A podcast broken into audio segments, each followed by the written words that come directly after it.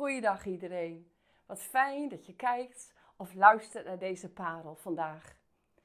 Jullie kennen vast wel het lied Our God is an awesome God, He reigns. En ik hou van dat lied. Our God is an awesome God, He reigns. Waarom hou ik zo van dat lied? Want het zegt wie onze God is. Hij is onzagwekkend, vol wijsheid, kracht, heerlijkheid, glorie en majesteit en liefde. Ik werd er opnieuw door getroffen dat het ook zo zichtbaar was door de wonderen die Jezus deed toen hij hier op aarde was. Ik wil je vandaag meenemen naar het verhaal van de wonderbare visvangst uit Lucas 5.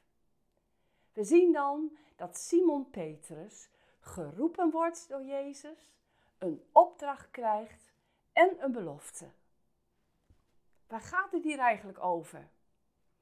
Jezus heeft net zijn kracht laten zien in Capernaum, daar aan het meer van Galilea of het meer van Genezeret zoals er staat. En dan wordt hij gevolgd door een massa mensen die allemaal geraakt zijn, die het woord en de boodschap van Jezus willen horen. Zie het voor je, daar aan het meer van Galilea, vroeg in de morgen, Jezus die daar komt, de mensen achter hem aan, zoveel mensen. En dan ziet hij daar die twee boten liggen van de vissers. De vissers zijn nog bezig om de netten schoon te spoelen van de afgelopen nacht. En dan stapt Jezus naar het bootje van Simon toe en hij zegt: Ik wil graag in jouw bootje. Wil je een eindje van de kant varen, zodat ik de mensen vanaf de, vanaf die, vanaf de boot kan toespreken en even niet meer gehinderd wordt door andere mensen? Wat bijzonder. Ik vind het eigenlijk heel veel humor in zitten. Als ik bedenk dat je in die tijd nog geen microfoons had, maar dat Jezus heel praktisch is en weet dat het water het geluid van zijn stem naar de kant draagt. Waarschijnlijk is Jezus wel tot de middag bezig geweest met zijn onderwijs en met alles wat hij wilde delen vanuit zijn Vader God. En dan komt daar zomaar die opdracht naar Simon toe om dan naar dieper water te gaan en daar de netten uit te zetten om opnieuw te gaan vissen. Wat zal Simon gedacht hebben? Ik ben toch niet gek? Wat zullen mijn collega's wel niet zeggen? Dit is niet professioneel. Je gaat niet overdag vissen. Dan houden alle vissen zich schuil.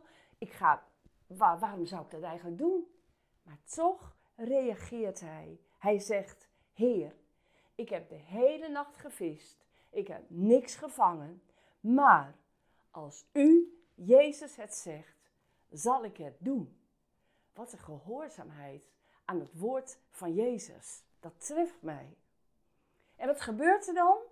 Een verbluffend, verbazend, ontzagwekkend resultaat. De vissen zwemmen in die netten over, over vol. Een grote massa vissen, zodat de netten bijna gaan scheuren. En Simon heeft hulp nodig om deze bijzondere vangst binnen te halen. Stel je eens voor, twee boten vol vis, zodat ze bijna zinken. En als we daar gekomen zijn, dan kom ik bij Lucas 5, vers 8. Wat doet Petrus dan? Dan staat er, toen Simon Petrus dat zag, viel hij op zijn knieën voor Jezus neer en hij zei: Ga weg van mij, Heer, want ik ben een zondig mens. Hij was verbijsterd, net als allen die bij hem waren, over de enorme hoeveelheid vis die ze gevangen hadden. Zo verging het ook Jacobus en Johannes, de zonen van Zebedeus, die met Simon samenwerkten. Jezus zei tegen Simon: Wees niet bang, voortaan zul jij mensen vangen. En nadat ze de boten aan land hadden gebracht, lieten ze alles achter en volgden hem. Ja, in dit wonder hè, zien we zo de macht en de majesteit van Jezus.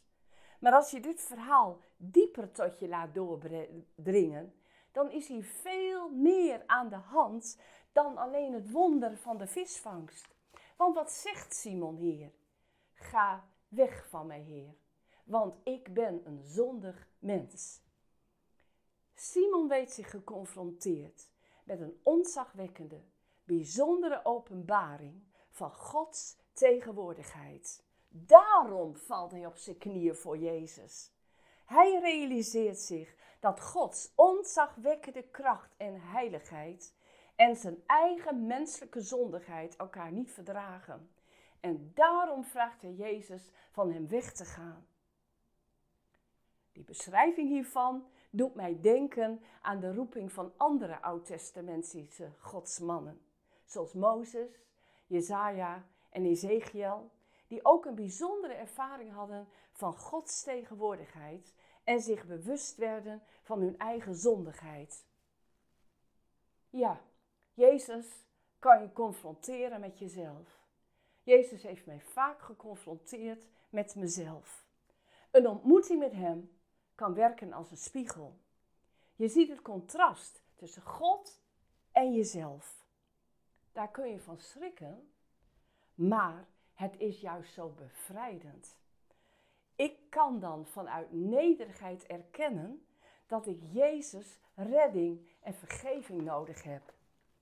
Want 1 Johannes 1 zegt: Als wij onze zonde beleiden, is God trouw, rechtvaardig om ons alle zonden te vergeven en ons te reinigen, schoon te wassen van alle kwaad. Is dat niet geweldig? Als je dat tot je door laat dringen. Wij worden een nieuwe schepping als we Jezus toelaten in ons leven. Hij wil jou ook vrijmaken van je verleden.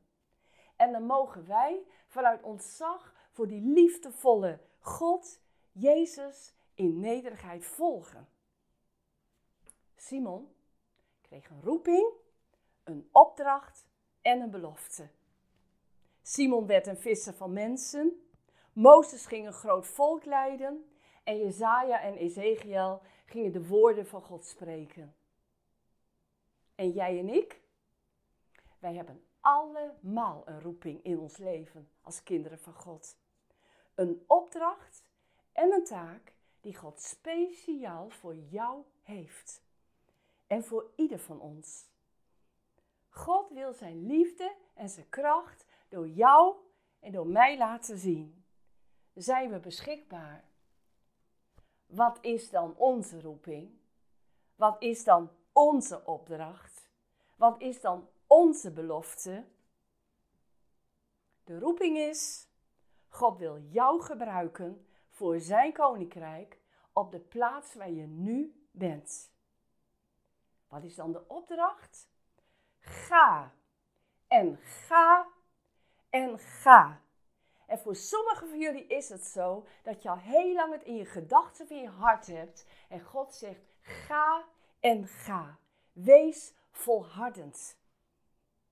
Vertel en deel de liefde van Jezus. En de belofte is: Jezus zegt het zelf. Ik zal met jullie zijn. Altijd, elke dag. Ook vandaag ben ik met jou. Ik weet, zegt Jezus, wat jij nodig hebt. Oh, wat is God trouw. Our God is een awesome God. Ik wens jou een gelukkige en een gezegende dag.